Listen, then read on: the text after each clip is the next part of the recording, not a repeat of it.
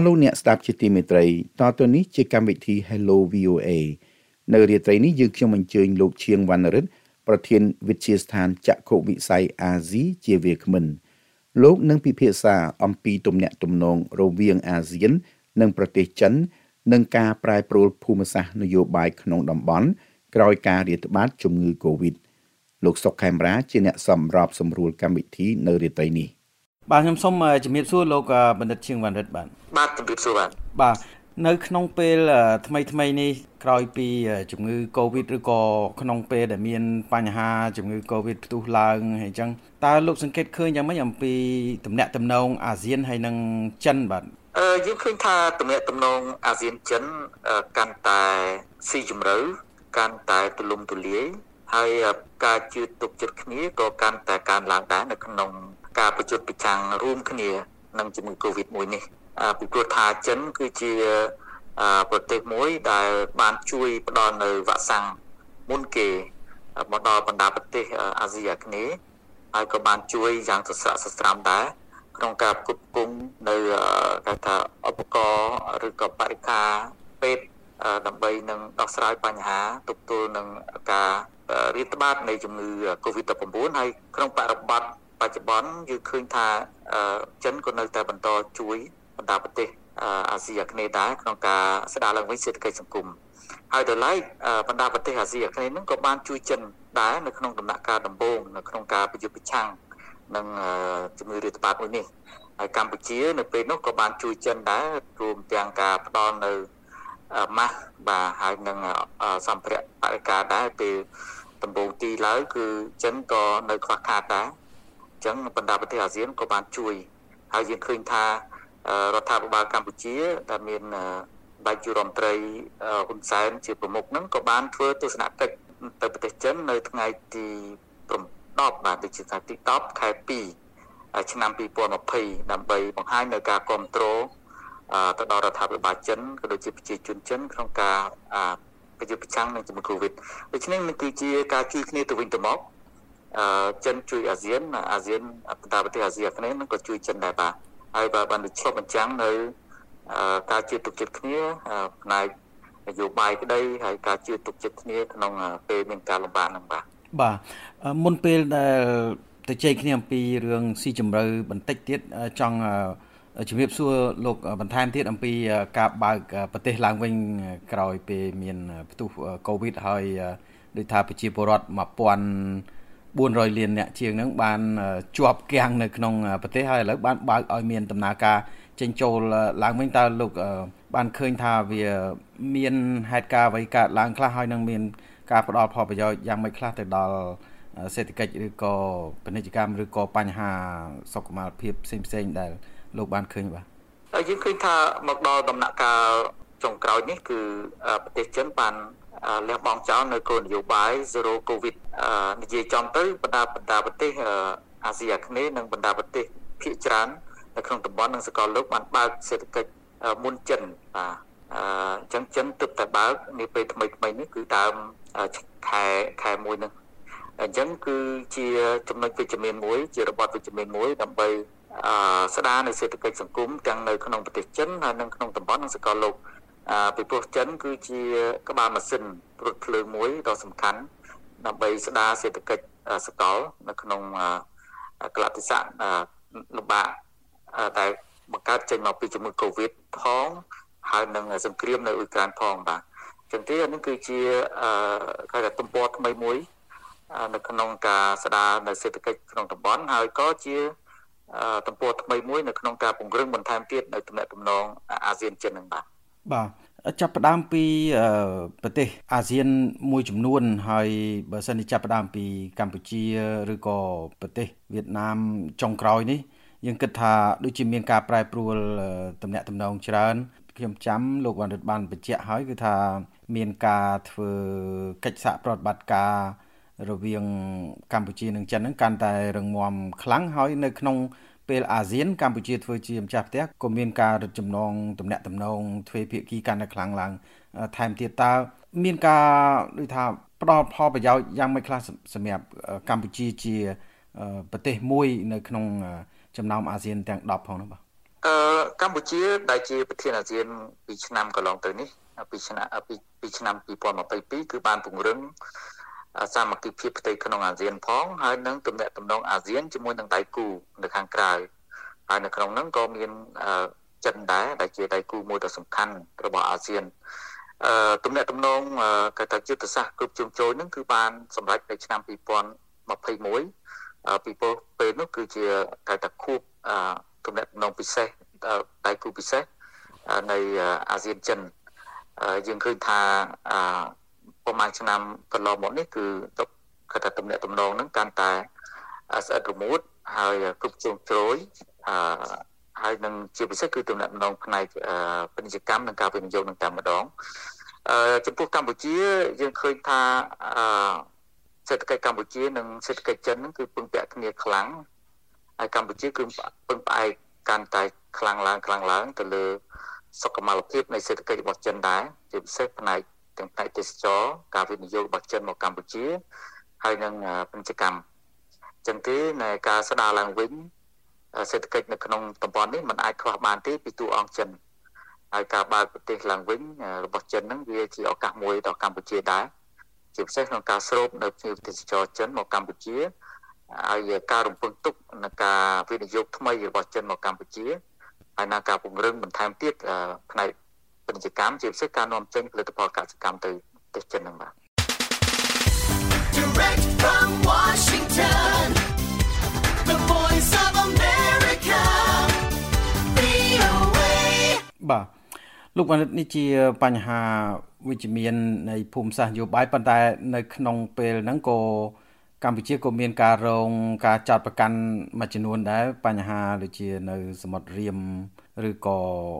មូលដ្ឋានកងទ័ពយោធាចិននៅក្នុងប្រទេសកម្ពុជាកម្ពុជាបានបដិសេធដូចជាយើងដឹងទាំងអស់គ្នាប៉ុន្តែតើបញ្ហានេះវាអាចនៅមានបញ្ហាទៅមុខទៀតទេឬក៏អាចថានឹងជ្រះស្រឡះនៅក្នុងពេលដែលកម្ពុជាបាន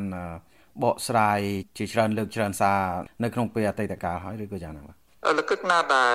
ការប្រគល់ប្រជែងអំណាចរវាងសហរដ្ឋអាមេរិកនៅនិងចិននៅតែបន្តអឺកម្ពុជានៅតែជួបនៅ ការលំបាកភូមិសាស្ត្រនយោបាយជាពិសេសគឺការចោទប្រកាន់នានាទាក់ទងទៅនឹងអឺបញ្ហានៅអឺថៃសមុទ្ររៀមនឹងជាដើមដូច្នេះវាពឹងផ្អែកទៅលើទំនាក់ទំនងចិននិងសហរដ្ឋអាមេរិកនឹងតែម្ដងការប្រគល់ប្រជែងតើវិវត្តនឹងទៅយ៉ាងណាអឺជាធម្មតាទេការប្រគល់ប្រជែងអំណាចរវាងប្រទេសមហាអំណាចនឹងវាផល ដល់នៅផលប៉ះពាល់អវិជ្ជមានច្រើននិងសម្ពាធទៅដល់ប្រទេសតូចៗនៅក្នុងតំបន់ហើយកម្ពុជាក៏ជាប្រទេសមួយដែលរងគ្រោះអឺចេញពីការគូប្រជែងអំណាចនឹងដែរដូច្នេះរាល់ការចោតប្រកាន់ផ្សេងផ្សេងហ្នឹងគឺវាពាក់ព័ន្ធទៅនឹងកត្តាភូមិសាស្ត្រនយោបាយនឹងតែម្ដងបាទបាទយើងឃើញថានៅក្នុងបញ្ហានយោបាយក្នុងប្រទេសកម្ពុជាមិនសូវមានអ្វីប្រែប្រួលច្រើនក្រៅពីថាគណៈបកជំទាស់ត្រូវបានដូចថា រំលាយដោយតឡាការនោះទេប៉ុន្តែនេះជារឿងមួយដែលកើតឡើងនៅក្នុងប្រទេសទេមិនដឹងថាវាប៉ះពាល់ឬក៏ពាក់ព័ន្ធទៅនឹងនយោបាយភូមិសាស្ត្រនយោបាយប៉ុណ្ណាទេប៉ុន្តែបើកលេចឃើញមើលប្រទេសផ្សេងផ្សេងទៀតដូចជាវៀតណាមភូមាអីគឺថាមានបញ្ហាស្តៀងគ្នាដែរគឺភូមិមានបញ្ហាផ្ទៃក្នុងនយោបាយហើយចុងក្រោយក៏ប្រទេសវៀតណាមគឺមានបញ្ហាផ្ទៃក្នុងនយោបាយច្រើនដែរមានការ លាឈប់ពីមុខតំណែងរបស់ប្រធានាធិបតីវៀតណាមឬក៏មន្ត្រីជាន់ខ្ពស់វៀតណាមអីតាក់ទងទៅនឹងបញ្ហាដែលថាមានអំពើពុករលួយអីហើយមានការចាប់មនុស្សអីរហូតដល់ជាង100នាក់អីអញ្ចឹងហើយក្នុងពេលដែលវៀតណាមមានបញ្ហាដូចថាទំនាក់ទំនងចិត្តស្ដិតជាមួយនឹងសហរដ្ឋអាមេរិកតើនេះជាការងាកបែរមកកាន់ប្រទេសចិនខ្លះទេឬក៏បញ្ហានេះអាចជារឿងយ៉ាងណាខ្លះលោកអាចបញ្ជាក់បានយ៉ាងម៉េចបាទ ពិតហើយនយោបាយផ្ទៃក្នុងហើយនិងនយោបាយការបរទេសគឺវាជាប់គ្នាអឺហើយមានអត្តពលទៅគ្នាទៅវិញទៅមកអឺហើយគោលនយោបាយការបរទេសគឺជាការ extension គឺជាផ្នែកមួយនៃការឆ្លុះបញ្ចាំងនៃគោលនយោបាយក្នុងប្រទេសដែរដូច្នេះរាល់ការវិវត្តនៃគោលនយោបាយឬក៏វិវត្តភូមិសាស្ត្រនយោបាយហ្នឹងគឺវាទាំងក្នុងប្រទេសនិងក្រៅប្រទេសហ្នឹងគឺផ្សារភ្ជាប់គ្នា ដោយឡែកចំពោះប្រទេសវៀតណាមគឺយើងឃើញថាមានការបំប្រែបំរួលនៅឋានៈដឹកនាំហើយនឹងមានការបំប្រែបំរួលនៅនយោបាយផ្ទៃក្នុងមួយចំនួនគួរឲ្យកត់សម្គាល់ក្នុងពេលថ្មីថ្មីនេះក៏ប៉ុន្តែបើតាមការយល់ឃើញរបស់ខ្ញុំគឺប្រហែលជានោះมันឆ្លុះបញ្ចាំងពីភូមិសាស្ត្រនយោបាយប្រមាណទេបានន័យថាវាអាចប៉ះពាល់ទៅដល់គោលនយោបាយការបរទេសរបស់វៀតណាមក្នុងកម្រិតណាមួយ ក៏ប៉ុន្តែវាមិនមែនជាកត្តាខាងក្រៅតែវាឲ្យបច្ច័យមកកត្តាខាងក្នុងទេអឺមើលទៅវាជាចេញមកពីកត្តាខាងក្នុងនឹងតែម្ដងអឺហើយវាអាចពិតជាបច្ច័យទៅដល់កត្តាខាងក្រៅគឺទំនាក់ទំនងការបរទេសរវាងប្រទេសវៀតណាមនិងប្រទេសមហាអំណាចក៏ប៉ុន្តែគោលការណ៍នយោបាយការបរទេសប្រហែលជាមិនមិនមិនមានអីហៅថាប្រែប្រួលអីច្រើនប្រហែលទេ ចំពោះគោលនយោបាយការបរទេសវៀតណាមទោះបីជាមានការប្រែប្រួលនយោបាយផ្ទៃក្នុងរបស់វៀតណាមដោយឡែកចំពោះកម្ពុជាយើងក៏យើងឃើញថាការផ្សារភ្ជាប់នៅការវិវត្តគោលនយោបាយផ្ទៃក្នុងនិងភូមិសុខភាពបាយគឺមានការភ្ជាប់គ្នាច្រើនដោយសារតែលោកខាងលិចជាពិសេសសហរដ្ឋអាមេរិកនៅតែបន្តនៅការជំរុញនៅការតលិទ្ធិប្រជាធិបតេយ្យនិងសិទ្ធិមនុស្សនៅកម្ពុជាហើយបានដាក់បញ្ហានេះ ក៏ជាបញ្ហាមួយធំនៅក្នុងទំនាក់ទំនងទ្វេភាគីអញ្ចឹងទេបើប្រសិនបើមានការវិវត្តណាមួយដែលប៉ះពាល់ទៅដល់ផែនមូលដ្ឋានគ្រឹះនៃលទ្ធិប្រជាធិបតេយ្យនិងសិទ្ធិមនុស្សគឺវាអាចប៉ះពាល់ដល់ទំនាក់ទំនងកម្ពុជាជាមួយនឹងសហរដ្ឋអាមេរិកនិងលោកខាងលិចទាំងបាទបាទមានន័យម្យ៉ាងទៀតគឺលោកអរិទ្ធចង់បញ្ជាក់ថាសមាជិកសមាគមប្រជាជាតិអាស៊ីអាគ្នេយ៍ឲ្យហៅកាត់ថាអាស៊ានហ្នឹងมันអាច ងាករេទៅកាន់ប្រទេសមហាអំណាចណាមួយដាច់មុខមែនទេឬក៏យ៉ាងណាលោកអាចបញ្ជាក់បន្ថែមបានអំពីចំណុចនេះបាទពិតហើយនេះគឺជាបញ្ហាស្លាប់រស់នៅប្រទេសជាតិហើយក៏ជាបញ្ហាប្រយោជន៍ស្នូលនៅប្រទេសជាតិរបស់អាស៊ីអាគ្នេយ៍គឺมันអាចបាត់លំនឹងរបស់ខ្លួនបានទេគឺมันអាចទៅចាប់យកប្រទេសមហាអំណាចណាមួយបានទេក្នុងកលតិស័កនេះអញ្ចឹងទេបានជាអាស៊ានត្រូវតែពង្រឹងនៅសាមគ្គី ភាពផ្ទៃក្នុងហើយនិងមជ្ឈភាពអាស៊ានដើម្បីធ្វើយ៉ាងណាបញ្ជាតំបន់យើងនេះកុំឲ្យទៅជាតំបន់ក្តៅនៃការប្រគល់ប្រជែងមហាអំណាចកម្ពុជានិងបណ្ដាប្រទេសអាស៊ីអាគ្នេយ៍ផ្សេងៗទៀតគឺមានទស្សនៈស្តៀងស្តៀងគ្នាដែរគឺខំប្រឹងធ្វើយ៉ាងណារក្សានៅឯករាជ្យភាពហើយនិងអព្យាក្រឹតភាពរបស់ខ្លួននឹងបាទបាទលោកបណ្ឌិតមានប្រសាសន៍ចំណុចហ្នឹងគឺថាវាសមហេតុផលតកតងទៅនឹងប្រទេស មួយចំនួនដែលមិនសូវមានបញ្ហាដូចថាផ្ទៃក្នុងនយោបាយហួសហេតុពេកដូចប្រទេសភូមាចុះចំណែកភូមាវិញយ៉ាងយ៉ាងណាដែរបើបើសិនជាលោកអាចជម្រាបបន្ថែមអំពីបញ្ហាតកតងទៅនឹងការប្រជែងអំណាចប្រជែងអំណាចផ្នែកភូមិសាស្ត្រនយោបាយរបស់ប្រទេសមហាអំណាចទៅលើរឿងភូមានេះវិញបាទការវិវត្តនយោបាយផ្ទៃក្នុងនយោបាយរបស់ភូមាហើយវាចូលទៅវិបត្តិទៅហើយវាចំទៅអឺ នេះគឺជាអ្វីមួយដែលវាប៉ះពាល់ទៅដល់ស្ថិរភាពនិងសន្តិសុខនៅក្នុងតំបន់ទាំងមូលតែម្ដងពីព្រោះបញ្ហាភូមិនេះវាមិនមែននៅជាបញ្ហាភូមិទៀតទេនិយាយចំទៅជាវាចាច់បញ្ហាអន្តរជាតិមួយដែលអាស៊ានហើយនិងដៃគូរបស់អាស៊ានត្រូវតែរួមគ្នាដើម្បីជួយរកដំណោះស្រាយយើងឃើញថាលោកខាងលិចប្រទេសលោកខាងលិចគឺបានដាក់ទនកម្មទៅលើ របបយោធាភូមាមានកម្រិតផ្សេងផ្សេងគ្នាអញ្ចឹងទេយើងឃើញថាបច្ចុប្បន្ននេះភូមាហាក់ដូចជារៀងឯកោអឺក្រមសម្ពាធទនកម្មពីលោកខាងលិចហើយអាស៊ានហ្នឹងក៏ដាក់សម្ពាធអឺមួយចំនួនទៅលើរបបសឹកភូមាដែរហើយឆ្នាំនេះឥណ្ឌូនេស៊ីដែលជាប្រធានអាស៊ានហ្នឹងក៏ប្រហែលជាដាក់សម្ពាធបន្តទៀតពីព្រោះនៅពេលដែលកម្ពុជាធ្វើជាប្រធានអាស៊ានគឺកម្ពុជាខំប្រឹងសម្របសម្រួល ធ្វើយ៉ាងណាឲ្យមានគេថា channel of communication ទំនាក់ទំនងជាមួយនឹងដៃគូផ្សេងផ្សេងហើយតាមរយៈ engagement គឺការផ្សារភ្ជាប់ធ្វើទំនាក់ទំនងហ្នឹងដោយក្តីសង្ឃឹមថានឹងអាចជួយបន្ធូរបន្ថយស្ថានភាពក៏ប៉ុន្តែយើងឃើញថាលទ្ធផលវាមានតិចតួចមែនតើអញ្ចឹងឆ្នាំនេះហើយឆ្នាំបន្តបន្តទៀត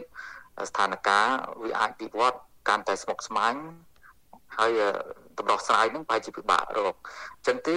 បើយើងមើលជាភូមិសាស្ត្រយោបាយម៉ែថាភូមិវាអាចធ្លាក់ចូលនៅក្នុងហៅថា square មួយគឺទៅទៅកាន់ភាគីមួយនេះគឺជាពិសេសគឺជាមួយរុស្ស៊ីនឹងតែម្ដងហើយជាមួយចិនក៏ប្រចាំប្រយ៉ែងដែរក្នុងគោលជំហររបស់ខ្លួនលើបញ្ហាភូមិនេះក៏ប៉ុន្តែបើយើងឃើញថាភូមិនេះជាមួយនឹងរុស្ស៊ីនឹងគឺស្និទ្ធគ្នាមែនទែនបាទលោកអនុតើដូចជា មេដឹកនាំភូមិសពថ្ងៃដែលបានធ្វើរដ្ឋប្រហារទម្លាក់លោកស្រីអង្សានស៊ូជីមេដឹកនាំខាងផ្នែកប្រជាធិបតេយ្យហើយបានជាប់ឆ្នោតអីចឹងក្នុងអំពើរដ្ឋប្រហារកាលពីខែកុម្ភៈឆ្នាំ2021ហ្នឹងតើមានជំរឿសអ្វីខ្លះទៅបាទពួកមេដឹកនាំភូមិនឹងអាចធ្វើបាននៅក្នុងពេលខាងមុខខាងមុខទៅទៀតហ្នឹងបាទវាអាស្រ័យទៅលើអឺ ប្រជាជនភូមិជាពិសេសរបបសកលវិទ្យានឹងតែម្ដងដើម្បីគិតគូរដើម្បីស្ដារឡើងវិញនៅគេថា legitimacy ភាពស្របច្បាប់នៃរបបរបស់ខ្លួននឹងបាទពីព្រោះអ្វីតែរបបសកលភូមិបានធ្វើនឹងគឺវាប្រឆាចទៅនឹងចន្ទៈរបស់ប្រជាពលរដ្ឋវាផ្ទុយទៅនឹងលទ្ធិប្រជាធិបតេយ្យ អញ្ចឹងទេដើម្បីរក្សានៅលំនឹងស្ថិរភាពនយោបាយនៅក្នុងស្រុករបបសឹកភូមិត្រូវគិតគូរក្នុងការរៀបចំការបោះឆ្នោតមួយគេអាចទទួលយកបានសេរីនិងយុត្តិធម៌ហ្នឹងពីព្រោះថាការបោះឆ្នោតប្រកបដោយសេរីនិងយុត្តិធម៌នេះហើយគឺជាមូលដ្ឋានគ្រឹះដើម្បីរក្សានៅលំនឹងនយោបាយហើយនិងស្ថិរភាពនយោបាយនៅក្នុងប្រទេសភូមាដូច្នេះយើងរងចាំមើលតើតើការបោះឆ្នោតដែលអាចក្រងមាននៅក្នុងឆ្នាំនេះ ចុងឆ្នាំហ្នឹងតើនឹងប្រព្រឹត្តទៅនៅយ៉ាងណាហើយមានការចូលរួមពីគ្រប់គណៈបកនយោបាយឬក៏យ៉ាងណាបាទ Direct from Washington The Voice of America VOA បាទលោកមានប្រសាសន៍ខាងដើមពីរឿងតនកម្មខ្លះពីអន្តរជាតិហើយនិងឥណ្ឌូនេស៊ីផងហើយជាប្រធានអាស៊ានប្រចាំឆ្នាំ2023ផងសម្រាប់ប្រទេសឥណ្ឌូនេស៊ី តើមានការបោះជំហានជឿនលឿនបានច្រើនប៉ុណ្ណាហើយនៅក្នុងពេលដែលទទួលញញួរពីកម្ពុជាដែលបានខំប្រឹងប្រែងដោះស្រាយបញ្ហាភូមិមុនប្រទេសឥណ្ឌូនេស៊ីនេះបាទពុំទាន់ឃើញមានលទ្ធផលជាក់ស្ដែងណាមួយទេតើតងការដោះស្រាយបញ្ហាភូមិនេះហើយប្រហែលជាមានក្តីសង្ឃឹមទៀបតកតងទៅនឹងទូនទីរបស់ឥណ្ឌូនេស៊ីដែលជាប្រធានអាស៊ានក៏ប៉ុន្តែយើងនៅរងចាំមើលលទ្ធផលជាក់ស្ដែង តើប្រធានរបស់អាស៊ានដែលមានឥណ្ឌូនេស៊ីនឹងតើអាចជំរុញបញ្ហានឹងបានដល់កម្រិតណាក៏តែកម្ពុជាទោះបីតែមិនមែនជាប្រធានអាស៊ានក៏ដោយក៏បានបដិញ្ញាចិត្តនឹងជួយដល់ឥណ្ឌូនេស៊ីដែលជាប្រធានអាស៊ានក្នុងការចូលរួមចំណែកក្នុងការដោះស្រាយបញ្ហាភូមិនឹងបាទបាទចុងក្រោយតើប្រទេសចិនមានទូនាទីអីច្រើនទេនៅក្នុងបញ្ហាភូមិឬក៏ប្រហាក់ប្រហែលនឹងប្រទេសផ្សេងផ្សេងទៀតនៅក្នុងការជួយសម្របសម្រួលបញ្ហាហ្នឹងឬក៏យ៉ាងណាបាទ ពិតហើយប្រទេសចិនកន្លងទៅគាត់ប្រកាន់នៅចំហបច្ចាបញ្ញាមែនតើអត់អត់មាន statement សេចក្តីថ្លែងការណ៍ជាសាធារណៈច្រើនទាក់ទងបញ្ហាភូមិនោះទេក៏ប៉ុន្តែបើយើងមើលជាចរន្តគឺចិនគឺខំខំប្រឹងដើម្បីស្ដារនៅស្ថិរភាពនយោបាយហើយនឹងរក្សានៅសន្តិភាពហើយនឹងលំនឹងនៅភូមិនេះពីព្រោះថាជាប្រទេសជាប់ផងលបងទៅមួយផងហើយជាប្រទេសមួយសំខាន់នៅក្នុងយុទ្ធសាស្ត្រ អឺខ្សែក្បាត់មួយផ្លូវមួយរបស់ចិននៅក្នុងតំបន់ហើយក៏ជាប្រទេសមួយដ៏សំខាន់នៅក្នុងការផ្គត់ផ្គង់នៅធម្មពលអឺទៅដល់ប្រទេសចិនដែរបង្កាស pipeline បាទដែលភ្ជាប់ពីសមុទ្រឥណ្ឌាឆ្លងភូមិទៅប្រទេសចិនដូច្នេះចិនមិនចង់ឃើញសង្គ្រាមស៊ីវិលឬក៏អស្ថិរភាពនៅភូមិនោះទេអញ្ចឹងបានខំប្រឹងទប់ស្ថានភាពហើយខំប្រឹងជំរុញ ឲ្យមានការសដោះស្រាយនយោបាយនៅភូមិក៏ប៉ុន្តែភាគច្រើនប្រហែលជាចិនធ្វើការពីក្រោយឆាកច្រើនហើយកន្លងទៅយើងឃើញអត់ទាន់ឃើញមាន statement សេចក្តីថ្លែងការណ៍ជាសាធារណៈច្រើនតាក់ទងបញ្ហាភូមិនឹងទេក៏ប៉ុន្តែអាស៊ាននិងចិននេះអាចធ្វើការរួមគ្នាបន្ថែមទៀតលើបញ្ហាភូមិនេះបាទបាទ សូមអរគុណច្រើនលោកបណ្ឌិតជាងវណ្ណិតខ្ញុំចង់ងាកបែរទៅលើសហរដ្ឋអាមេរិកវិញដែលបានងាកបែរគោលនយោបាយរបស់ខ្លួនមកកាន់តំបន់អាស៊ីអាគ្នេយ៍ហើយក៏មានទំនាក់ទំនងជាពិសេសជាមួយតំបន់អាស៊ីអាគ្នេយ៍ក្នុងរយៈពេលមួយឆ្នាំពីរឆ្នាំចុងក្រោយនេះកាន់តែខ្លាំងឡើងជាពិសេសនៅពេលកម្ពុជាធ្វើជាម្ចាស់ប្រទេសអាស៊ានផងដែលលោកโจ Biden បានអញ្ជើញមកដោយផ្ទាល់នៅក្នុងកិច្ចប្រជុំកំពូល អាស៊ាននិងកិច្ចប្រជុំកំពូលពាក់ព័ន្ធដែលធ្វើនៅក្នុងរាជធានីភ្នំពេញនេះតើបញ្ហាទំនាក់ទំនងភូមិសាស្ត្រនយោបាយជាមួយនឹងសហរដ្ឋអាមេរិកអាចនឹងមានការដូចថាប្រែប្រួលយ៉ាងណា នៅពេលចិនបើកទ្វារឡើងវិញក្រោយពីជំងឺ Covid 3ឆ្នាំយ៉ាងដូចនេះតើអធិពលចិនហើយនិងសហរដ្ឋអាមេរិកនៅតែប្រជែងគ្នាខ្លាំងកម្រិតជាងមុនឬក៏អាចថា ប្រទេសមួយចំនួនអាចនឹងមានការដូចថាសាររើគោលនយោបាយរបស់ខ្លួនហើយមានការប្រយ័ត្នប្រយែងឬក៏ប្រជែងឬក៏តូទុនខ្លះទេរវាងមហាអំណាចទាំងពីរនេះបាទយើងឃើញថាគោលនយោបាយការបរទេសរបស់សហរដ្ឋអាមេរិកក្រោមរដ្ឋការជូបៃដិនហ្នឹងគឺខំប្រឹងពង្រឹងនៅវត្តមានក៏ដូចជាអធិបុលរបស់ខ្លួននៅតំបន់អាស៊ីអាគ្នេយ៍ហើយការបើកទ្វារឡើងវិញសេដ្ឋកិច្ច ហើយនឹងការធ្វើដំណើរឡើងវិញនៅប្រទេសចិនហ្នឹងក៏ជាសម្ពាធមួយដែរដើម្បីអាមេរិកខំប្រឹងបន្ថែមទៀតក្នុងការពង្រឹងនៅវត្តមានរបស់ខ្លួននៅក្នុងតំបន់ជាពិសេសផ្នែកសេដ្ឋកិច្ចនឹងតែម្ដងពីព្រោះថាកត្តាសេដ្ឋកិច្ចនេះនៅតែជាកត្តាសំខាន់ជាងគេបំផុតក្នុងការកំណត់ទាំងនយោបាយក្នុងប្រទេសនិងក្រៅប្រទេសអញ្ចឹងទេការប្រគល់ប្រជែងសេដ្ឋកិច្ចដើម្បីពង្រឹងនៅអធិបតេយ្យសេដ្ឋកិច្ចរបស់ខ្លួននៅក្នុងតំបន់នេះនៅតែជាកត្តាមួយសំខាន់ហើយអាមេរិកនិយាយចំទៅកំពុងតែរត់ បាទរត់តាមចិនហើយសង្ឃឹមថាអាចនឹងគៀកចិនកុំឲ្យចិនដាច់ពេកបាទនៅក្នុងការប្រគល់ប្រជែងភូមិសាស្ត្រយោដាយោបាយក៏ដូចជាភូមិសាស្ត្រសេដ្ឋកិច្ចនៅក្នុងតំបន់អាស៊ីអាគ្នេយ៍នេះការប្រគល់ប្រជែងវាជាការធម្មតាហើយក៏វាជាការល្អប្រសើរដែរប្រសិនបើការប្រគល់ប្រជែងនឹងវាអាចនៅក្នុងកម្រិតណាមួយដែលអាចគ្រប់គ្រងបានហើយវាមិនឈានទៅដល់ការឆ្លោះគ្នាឬក៏ការ confrontation ប្រជុំគ្នា ជាពិសេសប្រជុំគ្នាផ្នែកប្រដាប់អាវុធណាមួយឬក៏រោគទីតាំងណាមួយដើម្បីប្រជុំគ្នាផ្នែកប្រដាប់អាវុធអាហ្នឹងវាជាបញ្ហាគ្រោះថ្នាក់ក៏ប៉ុន្តែបើយើងបើអាមេរិកនិងចិនប្រគល់ប្រជែងគ្នាសេដ្ឋកិច្ចប្រគល់ប្រជែងគ្នាបច្ចេកវិទ្យានៅក្នុងកម្រិតមួយដែលมันអាចឈានទៅដល់ confrontation វាជាកត្តាល្អមួយដល់តំបន់អាស៊ីអាគ្នេយ៍ហ្នឹងបាទអញ្ចឹងនៅក្នុងបរិបទនេះតើប្រទេស នីមួយៗហ្នឹងនៅតែពង្រឹងខ្លួនដូចថាជាអភិជាក្រិតនៅក្នុងតំបន់អាស៊ានដែរឬក៏លោកអាចឃើញថាមានប្រទេសមួយចំនួនដែរនៅក្នុងតំបន់អាស៊ីអាគ្នេយ៍អាចមានការទោសទណ្ឌឬក៏យ៉ាងណាបាទនិយាយចំទៅបណ្ដាប្រទេសនៅក្នុងអាស៊ីអាគ្នេយ៍ហ្នឹងគឺខំប្រឹងពង្រឹងនៅឯករាជ្យបាទហើយនឹងអត្តបតេយ្យភាពរបស់ខ្លួនហ្នឹង strategic autonomy អឺពីព្រោះថាมันអាចมันអាចធ្លាក់នៅក្នុងគេថារង្វង់ដែនអធិបតេយ្យ នៃប្រទេសមហាអំណាចណាមួយនោះទេគឺខំប្រឹងនៅខ្សែកណ្ដាលប្រកាសវាលៀងខាងនេះបន្តិចលៀងទៅខាងនោះបន្តិចទៅតាមការប្រែប្រួលនៃចរន្តភូមិសាស្ត្រនយោបាយ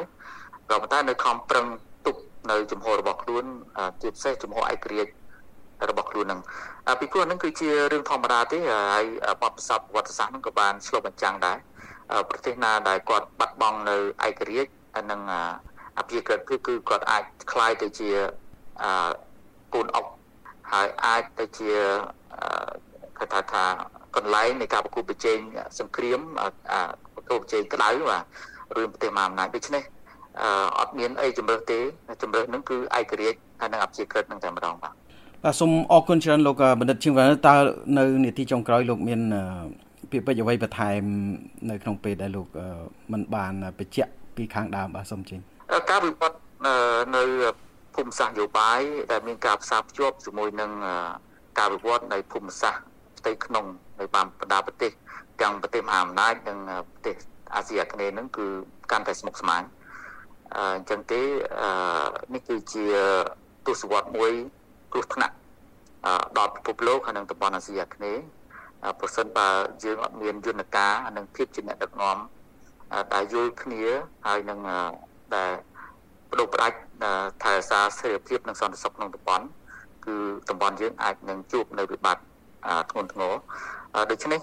នេះគឺជារបត់មួយដ៏សំខាន់នៅក្នុងប្រវត្តិសាស្ត្រតំបន់ពិភពលោកដែលទាមទារឲ្យបណ្ដាប្រទេសនៅក្នុងតំបន់ធ្វើការរួមគ្នាដើម្បីដោះស្រាយបញ្ហារួមបាទបាទសូមអរគុណច្រើនលោកបណ្ឌិតជាងវណ្ណរិទ្ធជាប្រធានវិទ្យាស្ថានទស្សនវិស័យអាស៊ីហៅថា Asian Vision Institute ដែលបាន ចូលរួមនៅក្នុងកម្មវិធី Hello VA ប្រចាំខែស្ដីអំពីបញ្ហាអាស៊ាននិងតំបន់នេះបាទដោយសារពេលវេលាដល់ទីបញ្ចប់សូមអរគុណលោកច្រើនហើយសូមជម្រាបលាបាទបាទសូមអរគុណសូមជម្រាបលាបាទ